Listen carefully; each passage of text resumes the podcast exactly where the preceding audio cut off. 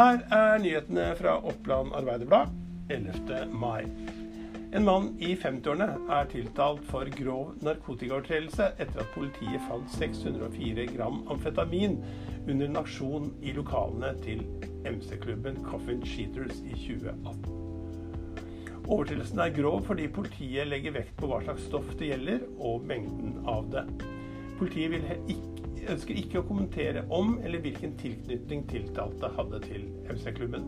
Mannens forsvarer, Jon Arild Aasen, sier til Oppland Arbeiderblad at eh, mannen, mannen nekter straffskyld for posten om oppbevaring av narkotika, eller har medvirket til det. Anne Elisabeth og Tom Hagen disponerte en hytte ved Biri i Gjøvik, kjenner OA til. Politiet holder eh, kortene tett i brystet om deres interesse for eiendommen. Politiet er kjent med at ekteparet Hagen disponerte flere eiendommer. Av hensyn til den pågående etterforskningen kan politiet ikke gi ytterligere kommentarer til dette, sier påtaleansvarlig Haris eh, Redovica ved Øst politidistrikt til OA. Det skal ha blitt observert ulv i Mohagen på Jaren mandag morgen. Observasjonen er ikke bekreftet. Avisen Hadeland fikk melding om den mulige observasjonen på ettermiddagen mandag, og på forespørsel til Kjell Bakken, leder i fallviltgruppa i Gran, så bekrefter han at det skal være sett det som kan være en ulv, like overfor Esso og Jaren mot Lygna.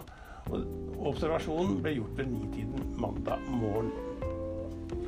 Utrykningspolitiet har de siste ukene hatt en rekke kontroller på lokale veier.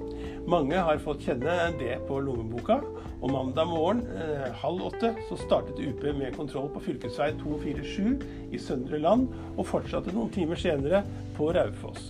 I Søndre Land ble det utstedt seks forenklede forelegg i 80-sona, mens det på Gjøvikveien på Raufoss endte med tolv forenklede forelegg pga. for høy fart og to for mobilbruk. I tillegg ble to førere anmeldt og fikk førerkortet beslaglagt. Høyeste hastighet ble målt til 92 km i timen i 60-sona.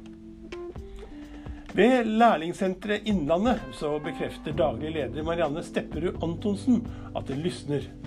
Men at det nå har vært en periode preget av stor usikkerhet. Det har vært oppe i 27% permitterte. Det kom et lite ras av permitteringer fra 13.3, og vi fikk mange henvendelser fra både bedrifter og lærlinger, sier hun. Særlig innen salg og elektrikerfaget har det vært tøffe tak, ifølge Stepperud Antonsen.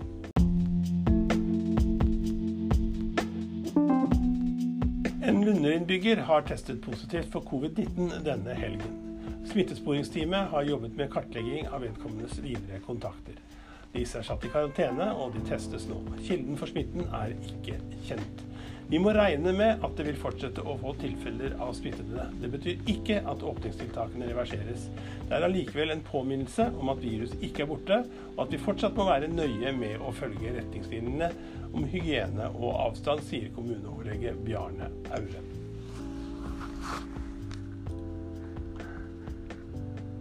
Litt gress, noen kvister og kanskje noe nedfallsfrukt. Det kan vel kastes i skogkanten? Absolutt ikke. Gjøvik kommune har i det siste mottatt flere klager fra innbyggere som forteller at naboer kaster hageavfall i skråninger eller skogkanter.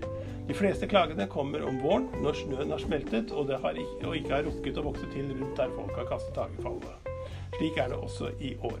Avfallsstasjonen til Horisont har utvidede åpningstider nå, og folk oppfordres til å reise dit med avfallet sitt.